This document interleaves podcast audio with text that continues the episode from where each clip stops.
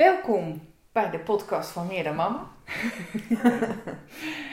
Vandaag uh, ben ik in gesprek met Suzanne van Wieringen.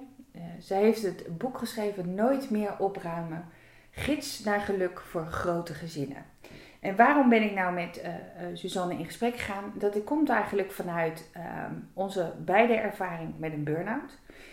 En vooral ook de wens om ervoor te zorgen um, dat je A natuurlijk uit de burn-out komt, maar er vooral ook nooit meer in terug te vallen. En er zijn heel veel verschillende manieren waarop je dat kan doen. En um, in het geval van Suzanne heeft ze vooral uh, de expertise ook in hoe doe je dat uh, met opruimen, met tijdsplanning, noem het allemaal maar op. Dus we gaan eens in gesprek over um, ja, wat doet die batterij nou eigenlijk nadat je een burn-out hebt gehad? En hoe werkt dat nou eigenlijk? Waarom je soms weer een soort overloadmoment ervaart of weer helemaal geen energie hebt.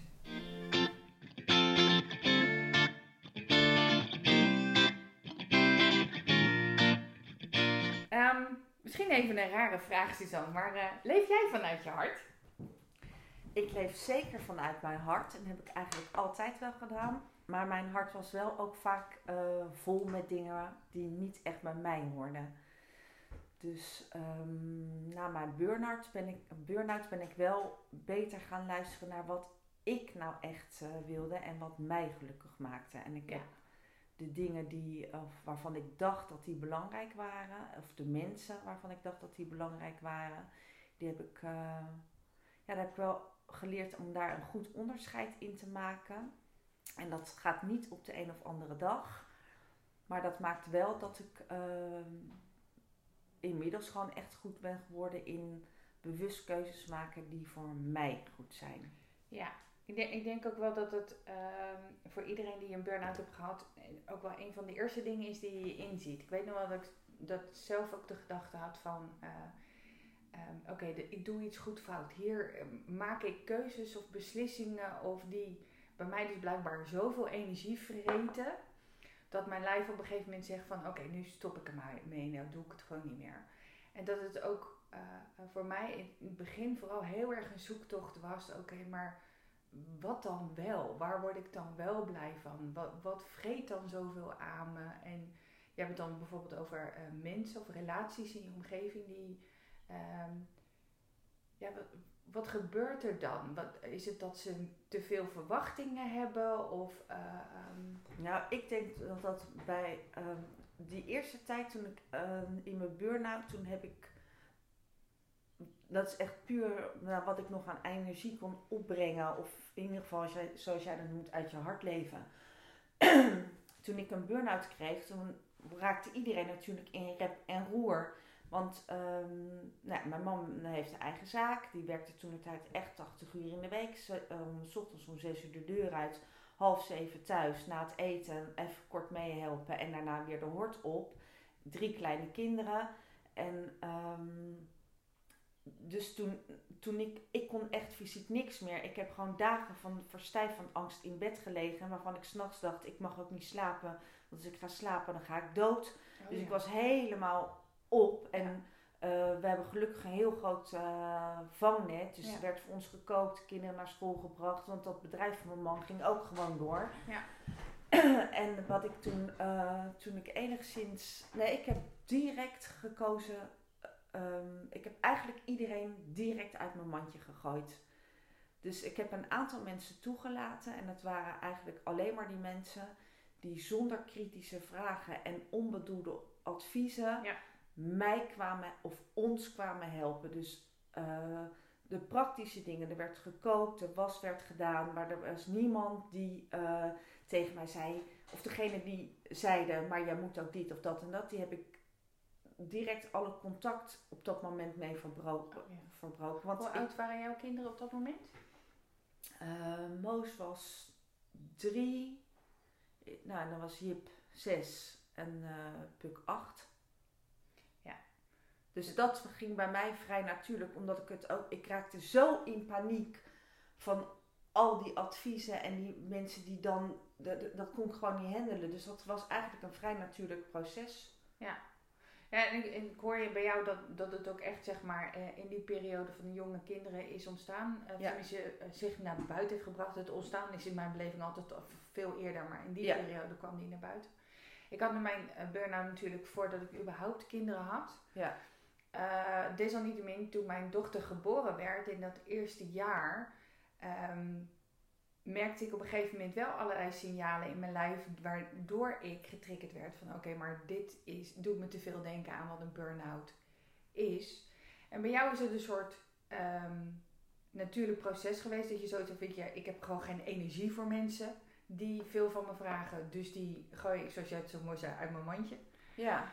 Ehm, wat ik daarin tegen merkte is blijkbaar ehm, straalde ik dat dan uit of zo. Er kwam ook gewoon bijna niemand meer over de vloer, omdat ik daar geen energie voor had. Dus bij mij kwamen ze niet zozeer met, eh, met adviezen, maar ik had ook dus geen, ineens geen netwerk meer aan mensen die, die hielpen. Maar ja, je had gelukkig nog een netwerk die kwam helpen. Ja. Ja, dat is een grote zegen. Met name ook voor onze kinderen. Ja, ja want die hadden ook ineens, eh, om het maar even zo te zeggen, niks meer aan mama. Nee, dat klopt. Want ik had, eh, ehm, ik had gerust een paniekaanval eh, als we s'avonds eh zaten te eten met Ja. z'n allen. Terwijl er dan eigenlijk niks van... Ja, er eigenlijk Was niks geen, geen- bijzonders. nee, niks bijzonders. Maar dat, dat Was genoeg. ja. Ja. dat was genoeg dat ik gewoon in blinde paniek raakte. Dus dat is wel, ja, dat is wel heel heftig. Ja. Eh, is het ook een beetje dat, je, eh, dat we hiermee een soort van advies ook wel geven aan, let op überhaupt wat voor soort mensen je in je omgeving hebt, eh, die ook echt voor je zijn en niet wat jij ook terecht zegt met allerlei goed bedoelde, maar zeer onhandige adviezen vaak. Eh, eh, ja, dat zijn. we- Nou, in over het algemeen is het wel fijn als je leert dat bepaalde mensen je alleen maar energie kosten. Ja. En dat andere mensen heel veel energie geven. En Ja. het is natuurlijk op het moment dat je dat realiseert, zou het wel heel fijn zijn als je voor jezelf mag kiezen en zegt, nou, maar dan ga ik mijn tijd besteden aan de mensen die me energie geven. Ja, Dat wel, ja. Maar ja, dat meestal ontdek je dat pas gaandeweg. En bij Ja. mij was, eh, ja, ik had een hele hoop triggers waardoor ik eh, een burn-out had. En ik heb heel lang gezegd als mensen zeiden, ja, maar volgens mij heb je een burn-out. Ik dacht, ja, je praat maar lekker een ander eh, een probleem aan. Maar ik, heb geen burn-out. Nee. Ik ben gewoon moe. Ja, ja. En dat, dat, dat, is, dat is denk ik wel eh, ehm, wie je ook spreekt die een burn-out hebben gehad. Dat ze eigenlijk eh, allemaal eh, ook toegeven dat ze al veel eerder eh, waarschijnlijk in zaten. Maar nog zo in de overtuiging zitten van iedereen is gek behalve ik. Nou ja, je wil ook niet dat je een burn-out hebt. Ja. Want als je al iets hebt geleven, gelezen over een burn-out, weet je dat je met een vijf dagen rust, Daar kom je er niet. dan kom je er niet. En ik kon ook niet.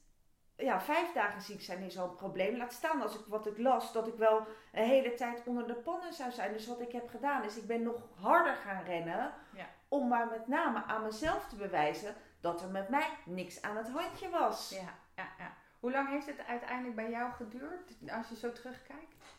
Ik vind het heel lang. Ik denk dat ik eh, helemaal boven Jan was. Dat heeft wel, eh, ik denk wel drie jaar geduurd. Ja, dat is nog best eh, eh, snel als je het af en toe ook hoort van andere moeders. Ik, dat, is, dat is wel een beetje wat ik het verschil merk ook of je een burn-out krijgt met of zonder kinderen, kan ik dan nu zeggen. Dat kon ik natuurlijk niet voordat ik een kind kreeg. Ehm, ik heb dan het geluk dat ik het eerder had, waardoor ik de signalen ook veel eerder waarnam. En dus niet riep van nee hoor, ik heb nergens last van. Die, die fase, die, die, ik had zoiets van ho, ho, noodrem, stop, wat gebeurt hier? Eh, desalniettemin, mijn herstel van al die signalen, doordat ik een kind om me heen had lopen die nog gewoon zeven dagen in de week, 24 uur per dag eh, eh, aandacht vroeg, duurde wel veel langer. Ja. En dat, dat hoor ik ook, eh, ehm, eh, dat dat verschil als moeder zijnde, ehm, vaak hebben je dan, sommige van mijn klanten hebben bijvoorbeeld niet eens een partner, maar hebben wel gewoon nog één of twee kinderen waarvoor ze moeten zorgen. Ehm, niet echt een netwerk wat elke dag eh, aan de deur kan staan of opvang kan bieden of wat dan ook.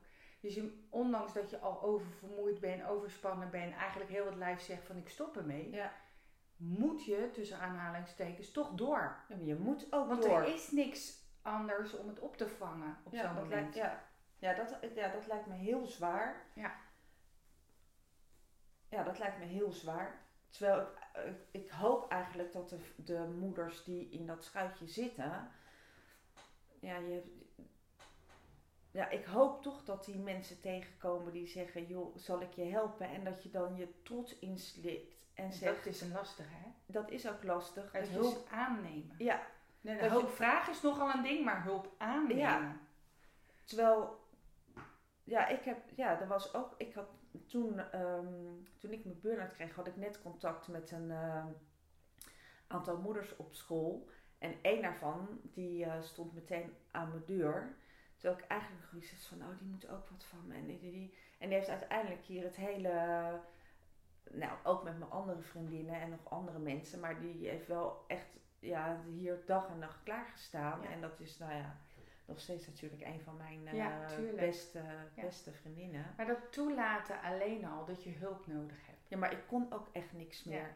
En ik had natuurlijk wel het geluk dat mijn man ook zei van... joh, Suus, dat gaan we zo niet, eh, Trekken. dat gaan we zo niet trekken. Dus Ja. je moet het nu loslaten. Ja. En ik ga het regelen met degene om ons heen. Ja. Maar ook toen heb ik natuurlijk nog heel lang... eh, ja, ben ik toch door blijven modderen. Want uiteindelijk kwam ik natuurlijk wel bij een psycholoog terecht. En die zei, je moet aan de medicatie. Nou, dat vond ik werkelijk het meest erge wat er bestond. Want ik heb toen ik jong was op een polykliniek voor drugsverslaafden gewerkt. Dus ik had iets Oh, aan dat medicatie. doen. Dat is echt, nou, dat is echt verschrikkelijk. Dus dat, ehm, maar ik had wel heel veel vertrouwen in hem. Dus hij van, nou, dus ik aan die medicijnen. En, eh, maar ik was als de dood dat dat niet goed zou gaan bij mij. Dus heb ik nog met mijn huisarts gesproken. Ik zeg, weet je zeker dat dat geen kwaad kan? Dat ik er niet aan dood kan gaan? Nee, zegt ze, dat is allemaal goed. Ik zeg, maar stel dat ik toch een paniekaanval krijg. Mag ik dan ook nog een oxazepam nemen? Ja, zegt ze, dat mag. Toen heb ik gezegd, maar je weet ook zeker dat ik aan die combinatie niet dood ga? Nee, zegt ze, dat kan je gewoon, dat Ja. kan je gewoon slikken. Ja. Maar ik hikte er zo tegen Ja. aan dat ik die medicijnen moest slikken. Dat een vriendin van mij die is mij op halen. Toen heb ik s'avonds die pil genomen. Toen zijn we samen gaan wandelen. Dat ik wist van nou, ik had maar voor mezelf bedacht, binnen een uur moet het zijn opgenomen. Dus ik moet een uur iets doen met iemand, zodat ik dat uur overleef. Ja, het is echt verschrikkelijk hoeveel energie dat kost. Dus dat hadden we gedaan. En dat ging allemaal eh, prima. Dus ik dacht, dat was goed. En toch kreeg ik paniekaanval. Toen heb ik oxazepam genomen. Toen dacht ik, dan word ik weer rustig. Toen raak ik nog meer in paniek. Toen heb ik midden in de nacht de ehm, huisartsenpost gebeld. En ik dacht, nou, er moet gewoon een zuster aan mijn bed zitten. Want ik ga deze nacht niet verleven. Ja, dat zijn echt bizarre dingen. Dat ik denk, wat is dat toch... Hoe je... Dat je zo ver van huis bent. Dat je... Dat dit het resultaat is. En vervolgens van die paniekaanvallen raak je eigenlijk nog verder van huis. Want dat kost zo ongelooflijk veel energie. Ja, ik denk wat, wat veel mensen, eh, zeker die nog nooit een burn-out hebben gehad, maar eh, ook mensen die het wel hebben gehad of er nog middenin zitten, ehm, eh, aan voorbij gaan is je lichaam, de het beetje energie wat er is, in eerste instantie wordt dat alleen maar gebruikt voor overleven. Ja. Dus voor je hartslag, voor je ademhaling, Ja. voor je bloedsomloop, daar gaat alle energie naartoe. Het kleine beetje energie wat over is, gaat naar je brein. Dus dat houdt eigenlijk in basis in dat de enige breinstructuur die werkt, is je oerbrein. Logisch kun je niet nadenken, Nee. inschatten kun je niet maken, focus is, is al helemaal er niet. Ehm, er worden af en toe keuzes aan je voorgelegd waarvan je niet eens weet, oké, wat, ehm, wat, wat, wat moet ik met die keuze? Dat is eigenlijk al te veel eh, om überhaupt een keuze te maken. En eh, ik denk dat dat veel wordt onderschat, is wat voor effect het op je systeem heeft. En dan omdat we vaak eh, al zo mentaal zijn voordat je een burn een burn-out krijgt, zijn we vaak heel erg vanuit het hoofd aan het leven, besluiten aan het nemen. En eigenlijk, wat je ook zelf al zei, van eigenlijk ga je maar door terwijl je al lang heel, heel, heel erg moe bent. Ja. Ehm, dat denk je dan nog steeds te kunnen doen. Maar het brein doet het gewoon niet meer. Nee, dat klopt. Nou, het is zeg maar, ik, vergelijk het eigenlijk maar met een eh, tol die is opgewonden. Je bent zo in de, je staat zo strak van alles wat je denkt dat je moet doen en nog meer en nog meer. En, dan, eh, en als je dan, ik, bij mij kwam die ehm burn-out die openbaar zich doordat ik een paniekaanval kreeg in de auto. Oef. Ja, en ehm er kunnen, je kan die hele vertaalslag niet maken Nee. naar jezelf. Dat jij, dat jij, dat je op bent. Want je bent net als die tol die je af laat gaan. Je bent nog steeds aan Aan het spinnen. Dus je ja. staat niet in één keer stil. Nee, nee. En ehm, je ziet het niet. Nee. Want ik zat gewoon in de make-up. Ik heb een, een vrij blakend gezicht altijd wel. En lachen kon ik ook nog steeds goed. Dus naar buiten, niemand zag dat er bij mij iets aan de, aan de hand was. Want ik zag er nog gewoon steeds uit als dezelfde Suzanne. Maar ik was natuurlijk wel helemaal opper de pop. En dat is denk ik, ik weet niet of dat de meest eh, frustrerende is, maar deze hoor ik eigenlijk altijd. Ja. Is eh, ehm, de buitenwereld eh, doet nog net niet of dat je je aanstelt omdat ze niks zien. Nee, dat heb ik, die ervaring heb ik niet. Het is. eh, eh, Maar wel in herstel. Ja, Op het moment dat je dan weer met kleine stapjes naar buiten gaat. dan gaat het wel weer. Nou ja, dan, omdat, want dan zie je er ook weer normaal uit. En ja. je, het lijkt alsof je iets normaals doet. Terwijl je al, eh, nou ja, ik ging op een gegeven moment, kon ik, was ik weer zover dat ik zelf boodschappen kon doen met mijn vriendin. Ja. Dus ik liep met haar, zij haalde mij op. En- Nou, en dan moest ik al helemaal aankleden, me er mentaal op voorbereiden. Het komt goed, ik ga niet dood. Als het, wat is het ergste wat kan gebeuren? Dus je zit al eigenlijk een soort doodmoe in die auto. ja, ja, ja, ja. En dan moet je nog boodschappen doen. Ja, dus dan liep zij met mij. Omdat ik dan wist, als het niet goed gaat, dan he- heb ik mijn vriendin bij me en dan, dan komt het goed. En dat waren eerst een paar kleine boodschappen. En dat hebben we uitgebouwd met dat eh, ik zelfstandig boodschappen deed. Maar dat zij dan ook haar eigen boodschappen deed. Dus dan liep ze niet meer naast me, Ja. maar was ze ergens in de winkel. Maar daar begrijpen mensen natuurlijk helemaal Nee. niks van. Want ik zie er dan ook gewoon uit. En ik loop met mijn eigen karretje. Ja, ja. Maar je bent, als ik dan thuis kwam, kon ik gelijk weer terug mijn bed in. Dan was ik helemaal gesloopt. Nou, je had dan het eh, geluk dan nog dat in ieder geval wel in jouw omgeving mensen waren die. eh, ehm, Heel veel tijd en energie Ja. in mij gestoken Ja, hebben. absoluut. Maar ook in mijn gezin. Want ehm, ja, ik, ik, ik heb het zelf dan ook ervaren als. eh, ehm, en ik, ik zie het ook bij de, de meeste eigenlijk wel van de mensen die ik begeleid. Ehm, je bent zo'n sterke vrouw, je redt het wel. Ook al ben je al lang eh, ziek thuis geweest. eh, op het moment dat je weer een beetje ehm, energie lijkt te hebben. eh, ik heb zelfs ook een klant die was op een gegeven moment eh, beter verklaard door de, de GGZ, zeg maar. En die had echt zoiets van, nou ja, ik weet niet waar ik beter van ben, maar ik ben echt nog helemaal niet Nee. eh, eh, opgeknapt eigenlijk. En er wordt wel gelijk op mijn werk verwacht dat ik weer alles doe wat ik gedaan heb. Nou ja, ik zal je vertellen. Toen ik... Ik kreeg in... eh, nee, begin... Nee, ehm, begin juni kreeg ik die burn-out. En toen werkte ik ehm, als... ehm,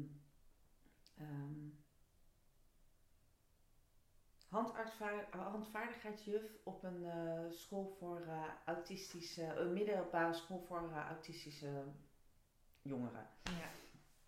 En ik had net een vast contract gekregen. Dus naast het feit dat ik al zelf niet kon vertalen van wat er nou allemaal aan de hand was en ik wilde er niet aan. En, maar ik zat ook meteen met die arts op mijn nek. Maar die zag gewoon een, een blakende jonge vrouw. En die, die, die vond eigenlijk dat ik wel weer terugkom. Terwijl ik aan alles merkte, maar ik kan helemaal niet. Vervolgens voelde ik me schuldig over het feit dat ik een vast, contract, ja. een vast contract had. Ja. Terwijl ik wel wist, ik ga dit hele schooljaar, het schooljaar moet nog beginnen. Ja.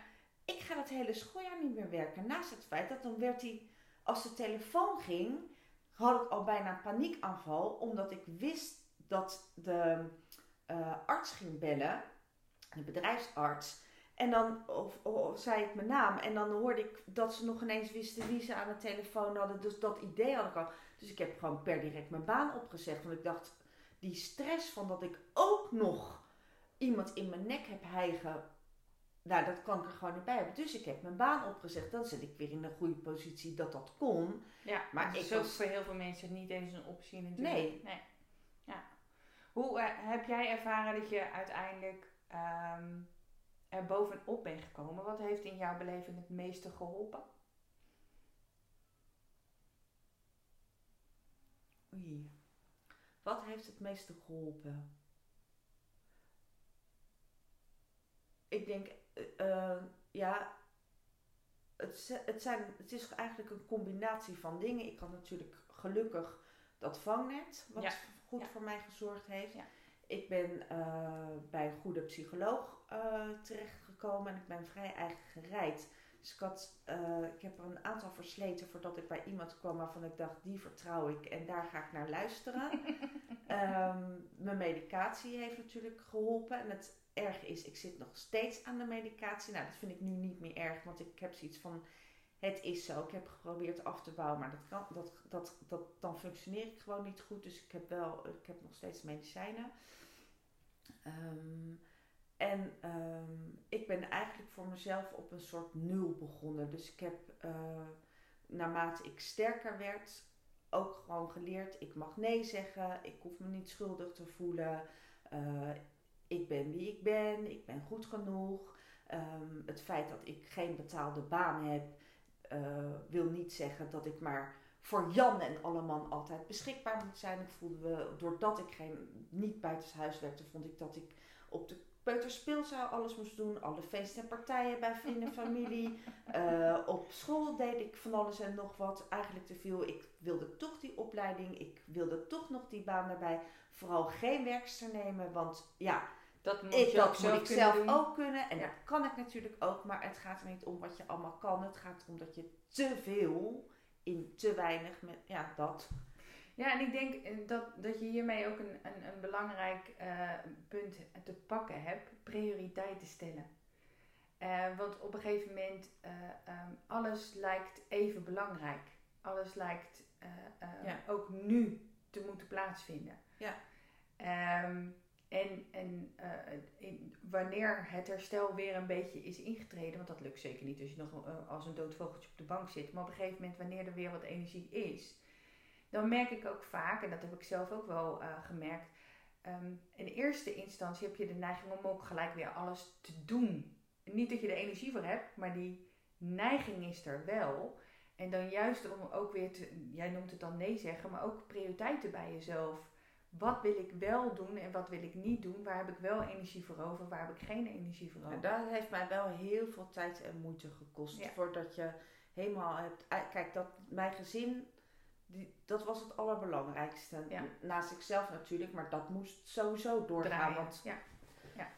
Maar wat je daarna met um, uh, wat wil je nou en wat is nou belangrijk en welke.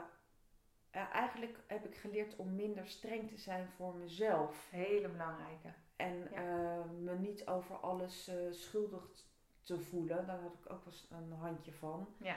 Um, dus welke dingen zijn nou belangrijk voor mij om gelukkig te worden? En um, ik hoef niet voor iedereen klaar te staan, want iedereen is verantwoordelijk voor zijn eigen geluk. En ik mag kiezen in wie ik wel wil, kan en wil helpen. Maar ik hoef me niet verantwoordelijk te voelen voor iedereen. En uh, stop met vergelijken. Ja, je, er zullen best moeders op schoolplein staan waarvan je denkt, zo, die hebben het goed voor elkaar. En dat hebben mensen misschien ook wel gedacht van mij. Nou, en ik ben toch heel zwaar onderuit gegaan. Dus stop daarmee. Ja. Uh, probeer te kijken, wat wil ik? En ja, je, ik heb me ook te veel laten leiden door aannames. Hoe ik dacht van, nou, maar dan moet het kennelijk zo. Of dat verwachten mensen van mij. maar er zijn maar heel weinig mensen die belangrijk zijn voor mij. Ja. Terwijl je ja, en, en ik denk dat je daarmee ook iets aangeeft van. Uh, ik denk dat iedere moeder het uh, van zichzelf wel ervaart. Dat ze op een of andere manier de overtuiging hebben dat ze aan een aantal verwachtingen moeten voldoen. Of dat nou is verwachtingen uit zichzelf. Ja. Of dat het nou is verwachtingen waarvan men denkt uh, dat anderen dat van je verwachten. Ja. Um, en dat te gaan loslaten en liever zijn voor jezelf. Ja. Um, dat, ik denk dat je daarmee al heel veel meer energie overhoudt. In plaats van constant maar bezig zijn met een, ja, misschien wel een soort façade ophouden. Ik weet wel, wel dat op een gegeven moment... façade weet Het is, het is geen opzet. Het is niet dat je dat met opzet doet. Maar wat, wat je er net ook zei van, van die, die moeders die je dan op het schoolplein ziet staan. Je kunt de buitenkant van iemand anders niet vergelijken met je eigen binnenkant. Maar je weet ook niet wat er bij diegene van binnen plaatsvindt. Nee, dat is ook zo. Dat, dat, is ook zo. Dus ik, ik denk ook serieus dat eh, eh, steeds bewuster zijn van oké, ehm, eh, als ik, eh, ehm, om, om mijn eigen voorbeeld te nemen, ja, jij zei er net ook van, weet je, het gezin en de moederschap was heel belangrijk voor jou. Dat was het eerste wat moest draaien. Je had ook drie kinderen. Ik heb één dochter en was al 43 jaar me, myself en I en, en draaide al een dik 10 jaar een eigen bedrijf. Wat ik merkte is op een gegeven moment toen ik mijn bedrijf stopte, van nou weet je, dan ga ik gewoon eens even voor mijn dochter zijn en kijken eh, hoe dat dan is. Ik werd knettergek. Ik werd echt, ik werd echt strontzagrijnig. Nee, dat heb ik niet gehad. Ja, echt. Ik was echt geen leuk mens. En dat, dat had ik eh, na zes maanden al door. Maar ja, dan, dan heb ik het nog niet opgelost, zeg maar. Maar ik had echt zoiets van, ja, maar hier heeft mijn dochter dus ook niks aan. Dan, dan zorg ik wel dat ik meer energie heb om er voor haar te zijn. Maar het werkt dus niet voor mij Nee. om de hele tijd als moeder te werken. Dus toen ben ik ook echt op zoek gegaan van oké, maar hoe kan ik dus en werken op een manier die voor mij werkt. Ja. En er voor mijn dochter zijn. En, ik, en als we het dan over een aanname hebben, ehm, is eh, je hebt bijna een soort twee kampen. eh, van eh, je moet altijd thuis zijn en voor je, voor je kinderen zorgen. Of je moet ambitie hebben en, en, eh, en een topvrouw eh, eh, zijn, zeg maar. En het is in mijn beleving altijd van, maar wat is voor jou belangrijk? Is die ambitie belangrijk? Prima, hoe doe je het dan met je kinderen? En vice versa. En die onderzoek gaat over jezelf en wat je voor jezelf blij mee wordt. En dus los leren laten wat jij denkt dat anderen van je verwachten. Ja, maar ik denk ook dat iets. Kijk, ehm, je zei eh, kinderen en ambitie. Maar ik ben in alles ambitieus. Dus ik was. ehm, ehm, ik wilde ook die. Nou ja, niet die perfecte moeder bestaat niet, maar ik ga altijd voor de 10 plus. Maar ik heb er ook altijd wel van genoten om eh, thuis te zijn. En, ehm, en ambities heb ik ook, want ik ben natuurlijk ook gewoon Suzanne. En die rol ben ik wel lang kwijtgeraakt. precies. En eh, toen ik eenmaal dacht van eh, wat ik wel wilde en wat ik nu met mijn bedrijf doe, dat doe ik wel ook in mijn eigen tempo. Ja. Maar daar ben ik wel heel ambitieus in en ik ben heel serieus. Maar ehm, ja, het is gewoon een hele zoektocht om, te, om het te combineren. En als ik naar de huidige moeders kijk, of wat ik mijn eigen dochters, ik zeg nooit tegen mijn eigen dochters, je moet het doen als ik. Eh, ik was volledig thuis. Maar dat was bij ons in de situatie ook zo. En dat was voor mij ook een bewuste keuze om eh, thuis te zijn.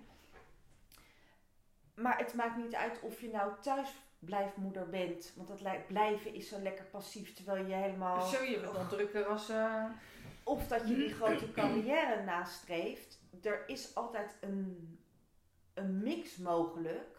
Maar dan moet je wel ook kunnen regelen en kunnen loslaten. En Ja. je moet keuzes kunnen maken. Vooral die Ja, keuzes maken. En eh, ehm, eh, het allemaal willen doen is denk ik een heel mooi streven, maar het is gewoon niet reëel. En je zult er ten alle tijde keuzes in moeten maken, al gaat het om tijd, al gaat het om eh, wat je wel of niet kan doen. Ja. Dingen zelf doen of juist uitbesteden. ja zeker. Eh, weet het, zoiets simpel als eh, het schoonmaken. Ja, je kan het blijven doen, maar als je daardoor strontzaggerijnig op de bank zit bij je kinderen, joh, weet je, laat het dan lekker gewoon door iemand anders doen, als je daar gelukkiger van wordt. En als je daar inderdaad ook. De middelen voor hebt. het ja, voor heel hebt. belangrijk. Ja. Ja, of, of een leuk schoonmoeder misschien. Ja, ja. Ja. Nee, ja, dat, ja, dat is wel zo, ja. Ja. En dat is, en ik, ja, dat, het is, of, nou ja, ik hoop, ik hoop inderdaad dat ik eh, met mijn bedrijf eh, moeders voor die tijd dat ze down ander gaan eh, kan helpen. Maar het, je moet op het moment dat, nou ja, ik hoop dat degene die dit niet luistert denkt, jeetje, ik wil daar zeker niet terechtkomen en ik, ik kan wel wat hulp gebruiken, maar ik schaam me daarvoor. Of ja, dat je dat laat varen. Ehm, Ja. de, de- ik ken zoveel vrouwen die eh, in hetzelfde schuitje hebben gezeten. Ja, ik ben alle schaamte voorbij. Ja, het is zo gelopen. Ben ik er trots op? Nee, ik ben er ook niet echt dankbaar voor. Want mensen zeggen, je komt er sterker uit. Ja, fijn. Maar dus ik heb echt een nare tijd achter de rug. Ik had het liever niet mee willen maken. Ja. En ja, ik hoop gewoon dat als je dit hoort, dat je denkt, jeetje, daar moet ik niet komen. Joh, bel, bel ons of Ja. kijk, wat, ga aan de gang. Want het is eigenlijk dood en doodzonde. Ja, Ik kan je dingen leren en jij ook, Ja. zonder dat je zo ver hoeft te zijn, absoluut. te komen. Absoluut. Gelukkig zijn er ook steeds meer mensen, en misschien ook wel juist omdat er meer bekend is geworden over burn-out, dat er ook steeds meer mensen zoiets hebben van: oké, wacht even, er gaat hier iets niet goed, ik moet dit voorkomen. Daar ben ik heel blij om, want maar heel lang heeft dat geduurd voordat mensen überhaupt zo'n gedachte hadden. Ehm, maar dit is niet voor niks natuurlijk nu een enorme stapel aan mensen die al een burn-out hebben gehad. En die ehm, hebben ook niet altijd de middelen of de tools van, maar hoe ga ik het nou anders doen? En Ja, daar heb jij natuurlijk ook Ja. een, een manier op gevonden Ja. eh, eh, na de burn-out. En, en vooral in de kwaliteiten die voor jou belangrijk zijn, of de talenten die jij sowieso al hebt. En daar hadden we het net al een beetje over schoonmaken. Ehm, maar bij jou ging het dan ook vooral op, ehm, ja, zoals, eh, zoals ik het zelf ook wel eens zeg, een opgeruimd huis creëert een opgeruimd huis, hoofd. Ja, Dus een meer rust in je hoofd creëren zorgt ook ehm, een eh, opgeruimd huis bij. Maar hoe doe je dat dan als je juist helemaal overloopt in je huis? Hoe heb jij uiteindelijk ben je tot dit boek gekomen, Nooit meer opruimen, in, in combinatie van eh, dingen thuis regelen? nou, nou was ik eigenlijk eh, van huis uit. Ik was vroeger echt sloddervos, maar zodra er kinderen kwamen, en we hebben er drie, wat ik al van aan het begin zei, mijn man werkte echt 80 uur in de week. Dat is niet gelogen, dat is echt zo. Dus ik, en met drie kinderen kom je sowieso één hand tekort. Dus ik was al vrij snel in de modus van eh, nou, eh, dat kinderen zelf ook eh, kunnen helpen, een jas op kunnen hangen en dat soort dingen. En na mijn burn-out ben ik gewoon ehm, ben ik meer gaan kijken naar wat zijn energietrekkers. Nou, eh, dat zijn mensen, dat zijn ook spullen in huis. Dus bij mij thuis is het geordend, want anders kost het te veel tijd als, als mijn kinderen de continu vroegen waar moet dit, eh, waar mama mijn jas, mijn schoenen, met dit, met dat, mijn zus en zo. Dus dit, dat had ik al heel snel vertaald in wat mijn methode nu beschrijft. Maar dat eh, is automatisch gebeurd omdat ik een hele praktische inslag heb. Ja. En ehm, dat ben ik eh, het, het organiseren van het huis. ehm, ik heb sowieso alle muren wit, dus ik heb zo min mogelijk prikkels. Het is allemaal praktisch ingedeeld. ehm, en de, naar vervolgende, s- de volgende stap is dat ik een planbord ben gaan maken met volgens dezelfde methode. Waarin ook eh, de, de schooltijden van de kinderen had staan en dat soort dingen. Maar ook hun taakjes die ze moesten doen. En dan scheelde mij dat ook weer in eindeloze discussies van... Maar dit, ik heb dat. geen zin. En Ja. ik zei, het staat op het planbord. Ja. We gaan het gewoon. Ik heb ook geen zin. We moeten dat gewoon doen. We leven hier met z'n allen. En ehm, ehm, nou, zo is dat spelenderwijs gegaan. En, eh, en na mijn burn-out dacht ik, ja, wat, wat wil ik nou? Nou, ik wil graag eh, kinderen helpen. Want ik heb gezien wat mijn, eh, wat mijn burn-out wat dat heeft gedaan met mijn kinderen. En eh, ik gun kinderen een stabiele, veilige leefomgeving. En ik gun moeders dat ze liever zijn voor Ja. zichzelf. Ja. En dat het een, een zesje of een zeven en een acht is vaak goed genoeg. Ja. Dus ik eh, dacht, ehm, ik wil moeders gaan helpen om liever te zijn voor zichzelf. En op het moment dat zij de rust en de ruimte hebben, ehm, daar zijn alle kinderen bij gebaat. Nou, toen heb ik nog een tijdje gezocht, hoe moeder ga ik dat dan vormgeven? En eh, nou, toen kwam ik eh, ehm, tot de, eh, bij de opleiding Professional Organizer. En ik heb dat bewust gekozen voor gezinnen. Dus ik doe niet alleen maar opruimen, maar ik organiseer eigenlijk het thuisleven tot aan hoe je je huis inricht met praktische tips. Dat het, uh, uh, dat, het, dat, het huis, dat je een makkelijk huis hebt. En een makkelijk huis maakt ook dat je minder tijd bent met, uh, kwijt bent met schoonmaken. Tot aan tijd plannen, bewust worden van hoe je hoe je met je tijd omgaat, ochtendroutines, avondroutines, uh, je administratie op orde. Nou, dan ga ik eventjes soort van advocaat van de duivel ja, spelen. doe dat. Uh, ik weet ook dat uh, voor sommige mensen klinkt het als een ideaalbeeld. Dat je dingen dan op orde hebt en, en dat het allemaal duidelijk is van wat de planning is of zo. Maar ik weet ook dat er mensen uh, zijn die juist zoiets hebben. Oh my god, moet ik dat ook allemaal nog eens regelen? Ja, ja, dat begrijp ik en dat merk ik ook bij klanten dat ze. Uh, um, dat, vinden, dat vinden vrouwen ook lastig, want het is spannend om iemand in je huis. Je bent in je privé, dus je gaat heel erg met je billen bloot. Terwijl, ja, um, ik weet dat het zo is. Ik heb al, ben al bij zoveel vrouwen thuis geweest en ik snap die emotie, maar ik kom niet om te oordelen, ik kom juist om je te helpen. En we beginnen natuurlijk niet met, de, als je in deze situatie zit, heb je een brei aan dingen en dit en dat. En dan gaat Suzanne zeggen dat ik, maar zo werkt het helemaal niet. Ik, ik kom rustig bij jou, we gaan rustig zitten wat ik heel goed kan, is de allemaal eruit halen wat jou de grootste stressfactor geeft. En daar een hele praktische oplossing voor te verzinnen. En uh, het gaat allemaal in stappen, want het kan ook niet in één keer. Maar dat zeg ik ook in mijn boek. Als je achter bent, ja, ik heb geen toverstafje. Ik kan het niet in één keer veranderen, maar we gaan het samen doen. In en ik denk dat, dat daar ook de grootste winst bij heel veel mensen in te halen zijn, is dat heel vaak um, uh, zie ik uh, dat we, doe ik dan even, we vrouwen de neiging hebben om het allemaal zelf te willen oplossen. Ja. Maar um, omdat je er zelf middenin zit, overzie je vaak niet waar de snelste winstpunten al te behalen zijn. En ik ja. vind het ook zo leuk dat in jouw boek ook gewoon staat van ja, begin gewoon met een klein projectje. Ja. Uh, bijvoorbeeld de hal en niet wat je denkt, nee, is de eerste kelder of de zolder. Nee, juist waar je altijd rondwandelt en, en je kapot ergert aan al die losliggende schoenen en jassen die overal neergepleurd worden, zo willen zeggen. Oké, maar hoe kan je dat dan alweer rustiger, geordender, gestructureerder maken? En dat is gewoon opruimen. En, ja. en als jij langskomt en uh, je bent in gesprek met iemand, dan hoor je veel sneller dan dat je het zelf doorhebt. Waar ligt nou je grootste energielek?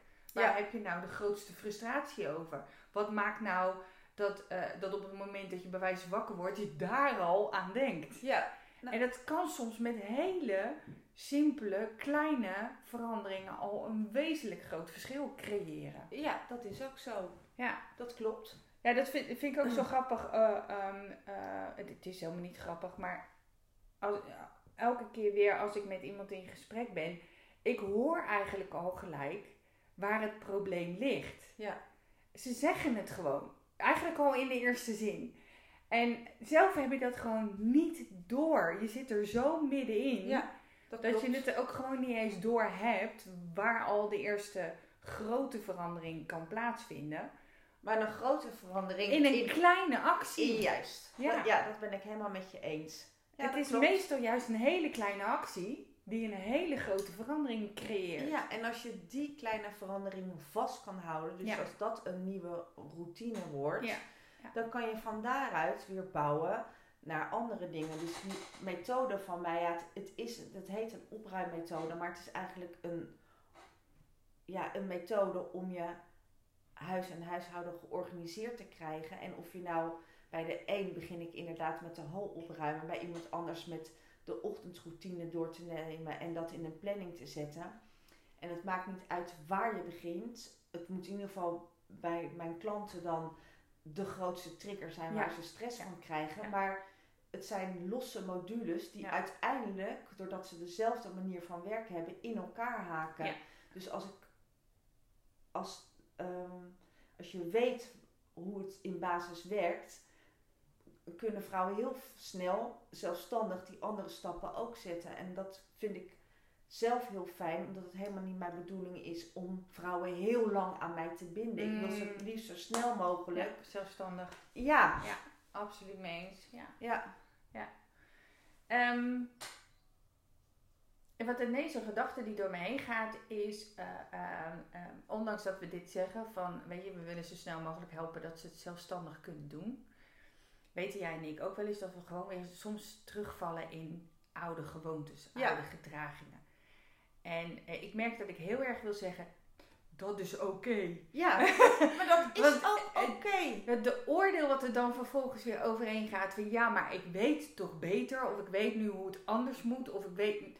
En dan denk ik van ja, maar we blijven gewoon in een dagelijks bestaan waar soms dingen anders lopen dan dat we gepland hadden, gedacht hadden of wat dan ook.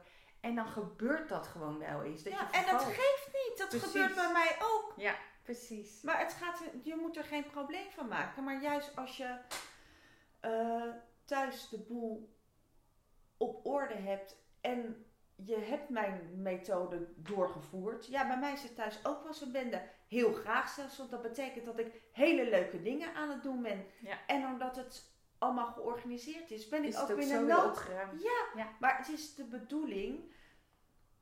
ehm, het is de bedoeling dat als je thuis op orde hebt, dat er juist ruimte komt voor Ja. die leuke dingen. Ja. Want dat is wat je wil en daar krijg je energie van. Ja. En door het thuis goed georganiseerd te hebben, krijg je die vrijheid. Dan heb je ook weer ruimte voor je eigen dingen. Ja, Lijkt me een hele mooie om mee af te sluiten. ik dacht precies hetzelfde. Dankjewel. Graag gedaan.